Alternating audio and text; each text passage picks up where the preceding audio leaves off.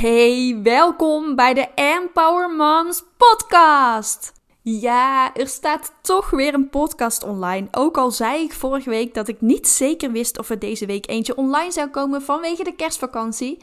Maar ik ben vandaag aan het werk en ik zat net even te kijken van heb ik nog interessante podcasts liggen die ik met jullie kan delen.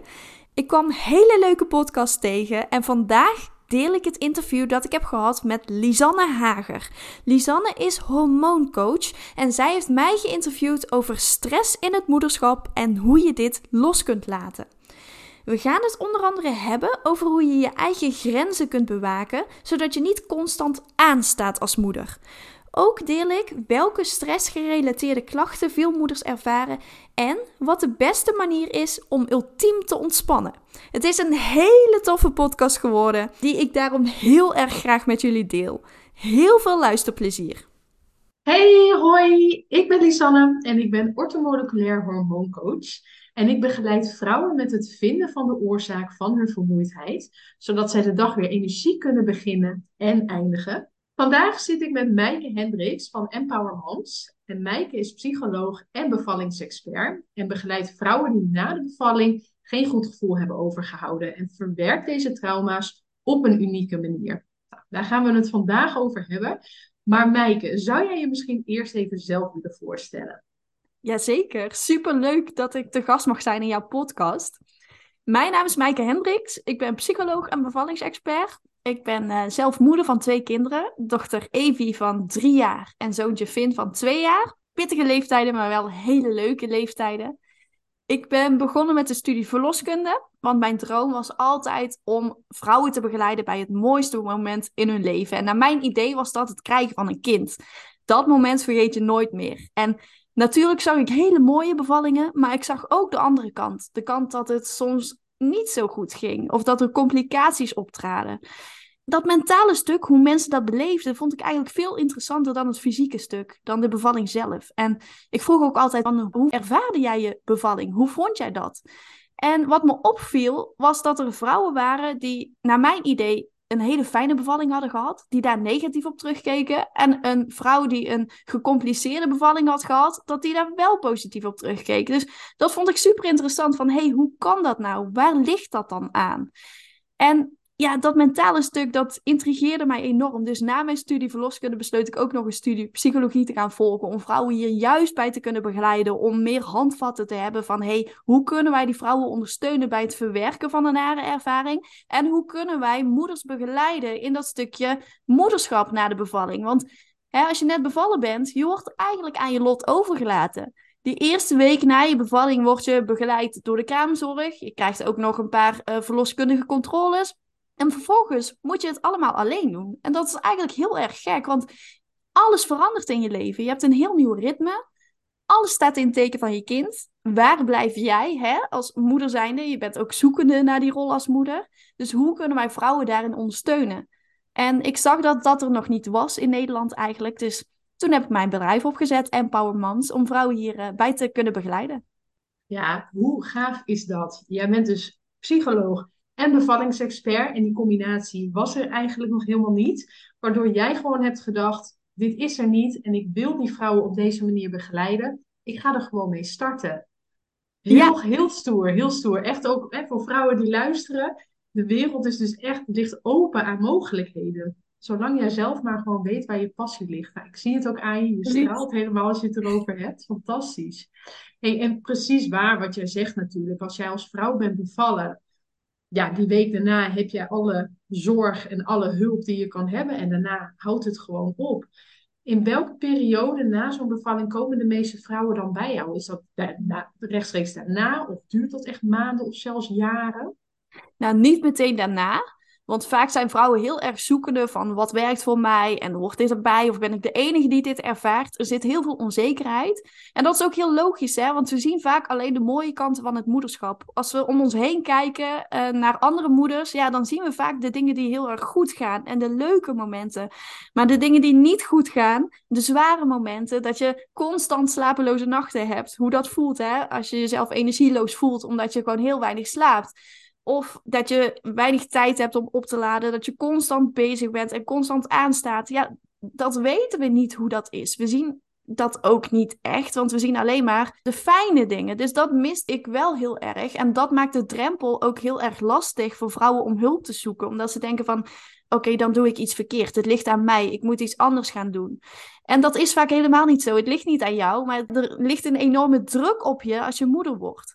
En dat is heel lastig om daarmee om te gaan. Dus vaak duurt het ook echt wel maanden of zelfs jaren voordat vrouwen aan de bel trekken. En hoe zonde is dat eigenlijk? Want waarom zou je die eerste maanden of jaren in die overleefstand staan?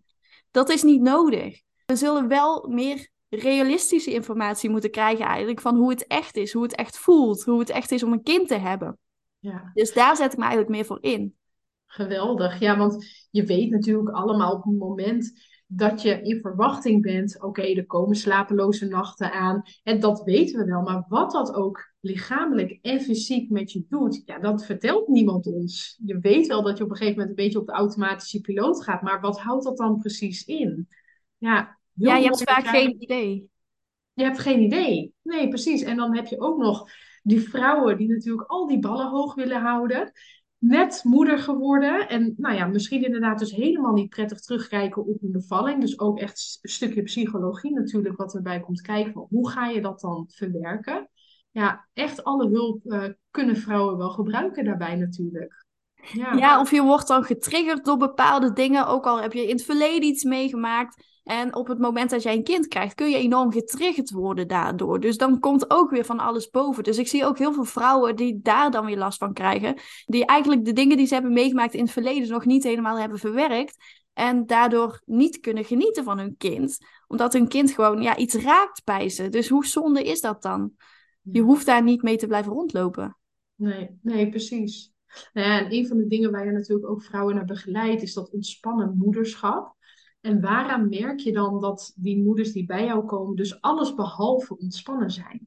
Nou, je ziet echt wel dat ze op zijn. Dat geven ze ook heel vaak aan. Dat ze geen energie meer hebben om dingen te doen. Dat ze ook niet echt iets leuk vinden. Dat het allemaal voelt als een soort van moedje. Dat het heel zwaar is. Dat ze ook niet kunnen genieten van hun kind. Om dingen samen mee te doen. Dat ze piekeren s'nachts. Je hebt al slapeloze nachten door het krijgen van een kind. Als je dan ook nog niet goed kunt inslapen doordat er zoveel door je hoofd gaat, ja, dan is dat enorm zwaar. Dus je ziet ook echt wel dat vrouwen op zijn en ja, dat het heel pittig voor ze is. Dat ze echt op het einde van hun Latijn zijn, zeg maar. Dat het zo niet verder kan. Nee, precies. Dat er echt nu het einde in zicht is. En dat er nu wel echt ruimte is om dan, nou ja, na zo'n lange periode eigenlijk vaak, aan de bel getrokken kan worden. Dat, moeten zij zichzelf dat toestaan voordat ze dan uh, voor zichzelf kunnen verkopen? Oké, nou, ik heb hulp nodig, ik ga naar Mijke toe. Ja, zeker. Ja, daar gaat wel een tijd overheen. Want ze merken ook vaak dat er psychologische zorg, dat voelt een beetje als het laatste wat je kunt doen. We willen het heel graag zelf op gaan lossen. En een psycholoog, daar ga je alleen maar naartoe als je gek bent of als er iets helemaal mis is. Maar een psycholoog kan heel erg ondersteunend zijn. Ik ben gewoon heel open-minded. Je kunt me altijd een berichtje sturen. Ik ben echt niet zo moeilijk daarin. Dus mocht jij het gevoel hebben van hé, ik trek het allemaal niet, wacht daar dan niet te lang mee. Want het gaat vaak ook niet vanzelf over. Door er heel lang rond mee te blijven lopen, heb je er alleen maar jezelf mee. En hoe zonde is dat? Want het heeft invloed op de dingen die jij doet. Het heeft invloed op hoe jij je voelt. Het heeft invloed op je partner. Het heeft invloed hoe je omgaat met je kind, met je vrienden, met je werk. Dus het heeft op alle gebieden invloed. Dus hoe fijn is het dan als jij weer jezelf kunt zijn? Ik spreek ook vaak vrouwen die echt dat gevoel hebben van... hé, hey, ik ben mezelf kwijtgeraakt na die bevalling. Na mijn bevalling is mijn kind geboren, maar waar ben ik gebleven? Ja. Ik ben zelf weg. Ja. Dus die zoektocht weer naar jezelf, dat is ook best wel een stap. Ja. Dat is niet makkelijk. En als dan die vrouwen uiteindelijk dan toch bij jou komen, er is een heel proces dus vooraf gegaan. Hoe lang ben jij gemiddeld gezien dan met ze bezig? Ja, dat verschilt heel erg. Ik heb een online programma ook. Dus sommige vrouwen die krijgen wel één op één begeleiding erbij. En sommige vrouwen willen het gewoon echt zelf doorlopen. Allerlei tips over hoe je die balans kunt vinden tussen werk en privé. Dat stukje me-time voor jezelf pakken. Wat kun je het beste doen? Hoe lang kunnen die momenten het beste duren? Hoe vaak per dag doe je dat? Je relatie met je partner goed houden. Hoe doe je dat als je zo weinig tijd hebt voor elkaar? Die band met je kind versterken. De hechting. Hoe werkt dat nou precies? Hoe zorg je voor een goede band tussen jou en je kind? Dus dat zijn allemaal dingen waar moeders tegenaan lopen. En ja, moeders die dat zelf willen doorlopen, daar heb ik eigenlijk verder geen contact mee. Maar moeders die één op één begeleiding daarbij hebben, die doorlopen een drie maanden traject. En die kunnen mij in die drie maanden eigenlijk gewoon alles vragen. En dat is wel heel fijn, want drie maanden heb je eigenlijk ook echt wel nodig om een transformatie door te maken, om echt iets te gaan veranderen. En als je er zelf mee aan de slag gaat, ja, dan heb je soms echt wel die schop onder je kont nodig. Want we zijn vaak geneigd om binnen onze comfortzone te blijven. En alles wat daarbuiten ligt, dat voelt heel erg angstig. En dat vinden we niet heel erg fijn. Dus hoe fijn is het dan als er wel iemand is die zegt van... hé, hey, maar ik begeleid je daardoor heen. En ik help je daarbij. En loop je tegen dingen aan, geef het dan gewoon aan. Want dan zorgen we ervoor dat we er samen doorheen gaan. Dus mijn traject duurt ook meestal drie maanden. Ja, nou, je vertelde al even over je online programma en de één op één begeleiding die mogelijk is. Zijn er ook nog andere manieren om door jou begeleid te worden? Ja, als mensen naar een bevallingservaring willen verwerken, dan kan dat in een aparte sessie. Ik heb namelijk een sessie van twee uur, de Trauma Buster Techniek sessie, waarin je in twee uur tijd jouw trauma kunt verwerken. Dat werkt echt perfect. Het is eigenlijk vergelijkbaar met EMDR. Ik weet niet of je dat kent, maar dat wordt heel vaak toegepast door psychologen bij een trauma. En dat duurt vaak ook heel lang voordat je het trauma verwerkt hebt. En dit werkt gewoon in twee uur tijd. Dus dit is echt een fantastische techniek als jij iets heel heftigs hebt meegemaakt. Hoeft ook niet per se te zijn dat het te maken heeft gehad met jouw bevalling. Maar het kan ook een andere heftige ervaring zijn. Maar het is wel belangrijk dat het echt een eenmalige gebeurtenis is. En dat, het, uh, dat je het kunt herinneren. En dan ben je er in twee uur eigenlijk van af. Dus dat werkt echt super. Wauw, dus die vrouwen die dus al maanden of zelfs jaren aan het overwegen zijn, ga ik hier nou iets mee doen of niet, die kunnen zelfs in zo'n sessie van twee uur dus door jou geholpen worden. Ja, ja, klopt. Ja. Ja, en het is natuurlijk mooi, hè, want jij hebt zelf ook kinderen.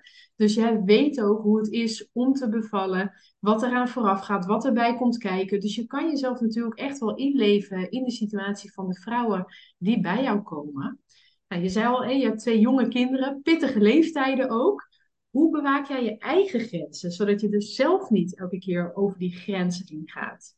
Nou, ik vind het heel belangrijk om echt onderscheid te maken tussen werktijd en privé-tijd. Dat ik in mijn privé-tijd niet met werk bezig ben. En ik ben zelf ondernemer, dus je werk zit eigenlijk constant in je hoofd. En als je niet uitkijkt, dan ben je weer bezig met mailtjes beantwoorden en met DM's beantwoorden. Dus daar ligt echt wel de grens van: oké, ik ben nu met mijn kinderen bezig. Nu besteed ik mijn aandacht volledig aan mijn kinderen. En ben ik met mijn werk bezig, ja, dan ben ik ook niet met mijn kinderen bezig. Dus daar maak ik echt al onderscheid in. En ik zorg ervoor dat ik voldoende tijd neem voor mezelf iedere dag. Want ik heb dat echt nodig. Ik ben ook een introvert persoon. Ik laat ook niet op van andere personen. Dus ik moet ook niet de hele dag afspraken doorhebben. Want dan raak ik helemaal overweldigd, zeg maar. Dus wat ik het fijnst vind, is om dan ochtends afspraken te hebben en smiddags gewoon lekker mijn eigen dingen te kunnen doen. Tussendoor ook nog even wat me-time te pakken. En s'avonds ook echt me-time te pakken. En dat hoeft niet per se altijd alleen dingen doen zijn, maar dat kan ook afspreken met vriendinnen zijn. Of het kunnen kleine dingen zijn, zoals eventjes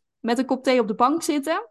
Maar het kunnen ook echt grote dingen zijn, zoals naar het theater gaan of naar de bioscoop. Maar zeker, ja, ik probeer echt wel elke dag, minstens drie keer per dag, tijd vrij te maken voor mezelf. Omdat ik dat, weet dat ik dat nodig heb, zodat ik ook een leukere moeder kan zijn. Want als ik dat niet doe, ja, dan voelen mijn kinderen dat. Wil ja, en die reageren daar ook weer op. Die drukken natuurlijk lekker op die knopjes. Die ja. we waarschijnlijk allemaal. Ja, en dan ja, worden we uiteindelijk boos op hun. Terwijl eigenlijk ligt de oorzaak natuurlijk bij onszelf. Ja, en je kinderen zijn daarin echt een hele mooie spiegel. Want die weten precies jouw punten te raken, die voor jou al heel erg kwetsbaar voelen. Of waar jij je heel erg onzeker over voelt. En ja, die weten daar perfect op in te spelen. Dus eigenlijk is het ook wel, ja, kinderen zorgen er ook voor dat je jezelf beter leert kennen. Ook al vind je dat niet altijd leuk. Want je leert kanten van jezelf kennen waarvan je denkt, oh, zo had ik liever niet willen reageren of zo had ik liever niet willen zijn.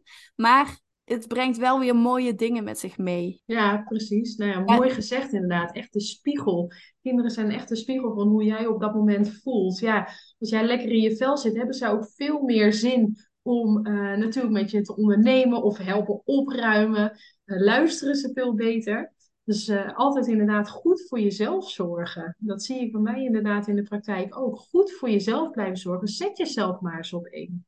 Ja. Ja, zeker. Heel belangrijk. En ik lees ook elke dag een boek. Ik vind lezen heel erg fijn. Daar laat ik ook door op. Dus ehm, ook al is het maar vijf bladzijden per dag, uiteindelijk lees je dat boek dan wel uit. Maar we hebben vaak dat we willen lezen en er ligt nog zo'n stapel boeken op ons te wachten. En we denken, ja, wanneer dan? Maar ja, maak gewoon echt even tijd daarvoor. Ook al is het tien minuten. Met tien minuten per dag komt dat boek uiteindelijk ook uit. En zo is het ook met series kijken of met andere dingen die jij heel graag wilt doen. Maak er gewoon tijd voor vrij. Echt een paar minuutjes per dag. Maar Ja. uiteindelijk kom je dan wel bij je doel. Elke dag zet jij stapjes. Dus ja, dat raad ik ook meestal aan om echt alles op te delen in kleine momenten, zodat het niet overweldigd voelt. Want hè, om meteen een uur voor jezelf te pakken, dat is vaak ook gewoon eh, extreem om meteen te gaan doen. Ja, nou ja, en je begeleidt natuurlijk vrouwen die ja, hè, moeder zijn geworden. Ja, die hebben natuurlijk eigenlijk gewoon weinig tijd om allerlei extra handelingen op een dag te doen. Dus juist door ze te leren keuzes te maken die voor ze gaan werken, ja, gaan ze zichzelf natuurlijk beter voelen, waardoor ze lekker in hun vel komen te zitten. Ja. Absoluut, ja. En je gaf al aan, nou, je kiest ook bewust ook de momenten gedurende de dag uit om ja, voor jezelf ook me-time te eh, creëren. Je zegt het, het kan heel groot zijn, kan heel klein zijn. Wat zijn de kleine dingetjes die je gedurende de dag van tussendoor doet? Nou, ik heb een zittend beroep. dus ik heb het echt wel nodig om af en toe eventjes te bewegen. Dan zet ik gewoon even een leuk muziekje op. En ga ik even dansen. En ook al is dat maar vijf minuten. Dan merk ik dat die energie weer begint te stromen. En dat ik weer zin heb om dingen aan te gaan pakken. En dat mijn hoofd zo minder wazig voelt. Want als je heel lang zit, en dan voel je je zo down en energieloos. Dus dat doe ik altijd. Eventjes bewegen tussendoor. Voor de rest vijf minuten niks. Even geen prikkels, telefoon aan de kant. Want als we eventjes rust willen, dan grijpen we ook vaak naar onze telefoon. Maar ook dat zijn weer allemaal prikkels, hè? En je brein, die wil gewoon af en toe eventjes ontprikkeld worden. Als je constant geprikkeld wordt gedurende de dag met allerlei lichten en met allerlei geluiden die voorbij komen, ja, op het eind van de dag ben je gewoon heel erg moe. Dus hoe fijn is het dan als je gewoon eventjes niks doet? En dan je gedachten gaan overuren draaien, hè? Heb je het wel eens gemerkt als je dat doet dat is ook een kwestie van wennen. En die gedachten mogen er ook zijn. Dus laat die dan er vooral ook zijn en probeer ze niet weg te duwen. Dat zorgt wel voor rust. Ja, het is heel herkenbaar wat je zegt. Even niks doen. Ja, ik schiet dan zelf ook nog steeds wel hoor. In de, in de verdediging van ja, niks doen, maar hè, het huishouden moet nog gedaan worden. De kinderen moeten dit of ik moet dat. Je moet zoveel. Terwijl inderdaad gewoon even helemaal niks. Gewoon alleen even, ik zeg wel vaak even inchecken op je ademhaling. Doe alleen eens dat. Ben je inderdaad heel erg gestrest of kan je ook echt een ontspanning opzoeken? Ja, heel belangrijk om dat wel echt, uh, echt vol te houden. En om daar überhaupt mee te beginnen. Want als ja, jonge Zeker. moeder schiet dat er natuurlijk vaak bij in. Maar wat kan het die vrouwen die jij begeleidt ook opleveren door wel dat soort momentjes per dag te pakken? Ja, veel meer rust, veel meer energie, veel meer ontspanning. En je kan ook bijvoorbeeld even een paar minuten gaan lopen buiten. Die frisse lucht is heel erg belangrijk. Even in de buitenlucht, eventjes een rondje om het huis of even naar het parkje, de natuur in. Pak echt die tijd voor jezelf. En als je kinderen bij je zijn, ja, neem je kinderen dan gewoon mee. Maar ga dan in ieder geval even je huis uit. Even een andere omgeving. Dat zorgt vaak ook al dat je tot rust komt. En dan kun je je hoofd ook al leegmaken. Dus dat zijn vaak van die kleine dingetjes die we wel weten, maar die we niet doen. En het gaat echt om het doen. Want daarin zit het verschil. Als jij het gaat doen, dan zorg je juist voor die verandering. Ja, ja, helemaal eens. Inderdaad, gewoon echt het doen. Ja. Als jij nou een tip mag geven, de ultieme tip voor de luisteraars die denken, nou, ja, die bevalling, het zit toch ook nog niet helemaal lekker, het zit gewoon niet helemaal goed in mijn vel. Ik denk dat ik daar nog wel wat hulp bij kan gebruiken. Wat zou voor jou dan de ultieme tip zijn om met hun te delen? Ik zou er vooral over praten met de mensen in je omgeving, over hoe jij je voelt. Met je partner, met je ouders, met je vrienden, met mensen die jij vertrouwt. Want als jij deelt hoe jij je voelt, dan zul je ook zien dat veel meer mensen in jouw omgeving eigenlijk hetzelfde ervaren als jij. Dat geeft herkenning. Maar als wij het niet delen, dan blijven we daar in ons eentje mee zitten. En dan denken we ook vaak, hè, oh, we zijn de enigen die dat ervaren. Doe ik het dan allemaal wel goed? Kan ik dit allemaal wel als moeder zijnde? Ben ik een slechte moeder? Dan ga je heel erg twijfelen aan jezelf. Maar op het moment dat jij erover durft te praten en erover durft te delen, Dat maakt het veel makkelijker. En je zult ook zien dat ja, heel veel moeders dit ervaren. En ik snap ook niet waarom er eigenlijk zo'n soort van taboe op zit. Want waarom mag dit niet besproken worden? Het is juist fijn om te weten van hé, hey, ik ben niet de enige. Het hoort erbij. Het is normaal om dit te voelen. En hoe kunnen we daar dan mee omgaan? Hè? Hoe gaan anderen daarmee om? Maar de eerste stap is vooral om het te delen, om het vooral niet op te kroppen. Want als je het opkropt, blijft het ook in je lijf zitten. Eh, dan voel je die spanning in je lijf. Je zult merken dat je een korter lontje krijgt. Je zult merken dat je minder makkelijk dingen aan kunt. Als iemand een nare opmerking tegen jou maakt, zul je bijvoorbeeld zien dat je sneller een woedeuitbarsting krijgt. Dus dat is heel erg belangrijk. Gewoon uit je gevoel. Zeg waar je mee zit. En zeg ook wat jij wilt. En vraag ook om hulp. Hulp is zo belangrijk. Kan iemand bijvoorbeeld een maaltijd voor je bereiden? Kan iemand wat boodschappen voor je meenemen?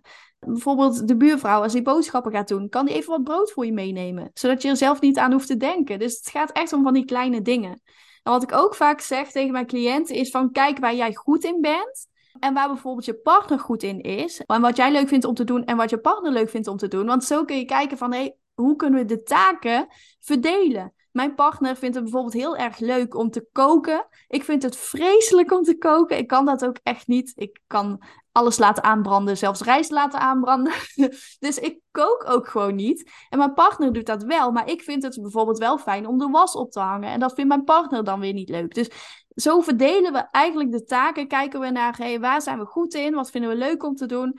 En zo maak je het ook makkelijker voor jezelf, zodat je dus echt meer energie overhoudt aan het einde van de dag. Ja, heel mooi inderdaad wat je zegt over die verdeling, want dat herken ik ook wel heel erg.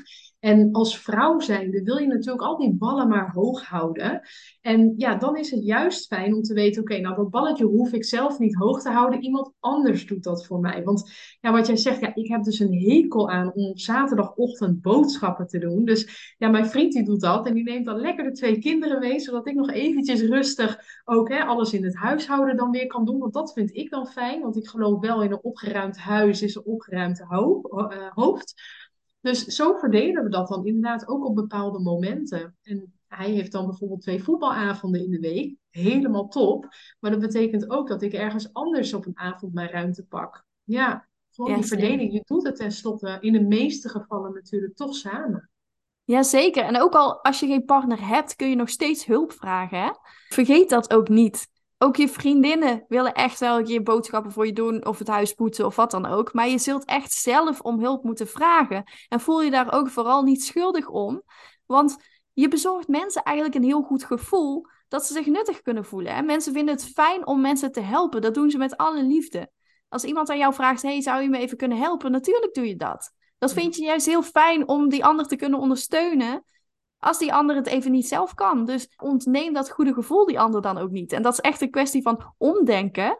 Want dat is niet makkelijk, maar het zorgt er wel voor dat het makkelijker voor je wordt om daadwerkelijk die stap te gaan zetten. Ja, mooie vergelijking inderdaad. We doen altijd alles met alle liefde voor iemand anders, maar we durven het zelf eigenlijk niet te vragen. Super zonde. Ja. Hey Maaike, waar uh, kunnen we meer over jou vinden? Nou, je kunt meer over mij vinden op mijn website empowermoms.nl. Uh, ook kun je me vinden op Facebook en Instagram onder de naam EmpowerMomsNL. En ik ben ook te vinden uh, op Spotify, iTunes en Soundcloud met mijn podcast, de Empower Moms Podcast. Supergoed, supergoed. Dus voor de mensen die meer willen weten over Meike, nou, zoek haar eventjes op natuurlijk. En willen jullie meer weten over ja, het begeleiden van de vermoeide moeders naar meer energie, dan mag je mij natuurlijk ook altijd even een DM of een, uh, een mailtje sturen. Meike, ik wil je heel erg bedanken voor al je inspirerende informatie en tips. Jij ook bedankt. Superleuk dat ik hier mocht zijn. Graag gedaan.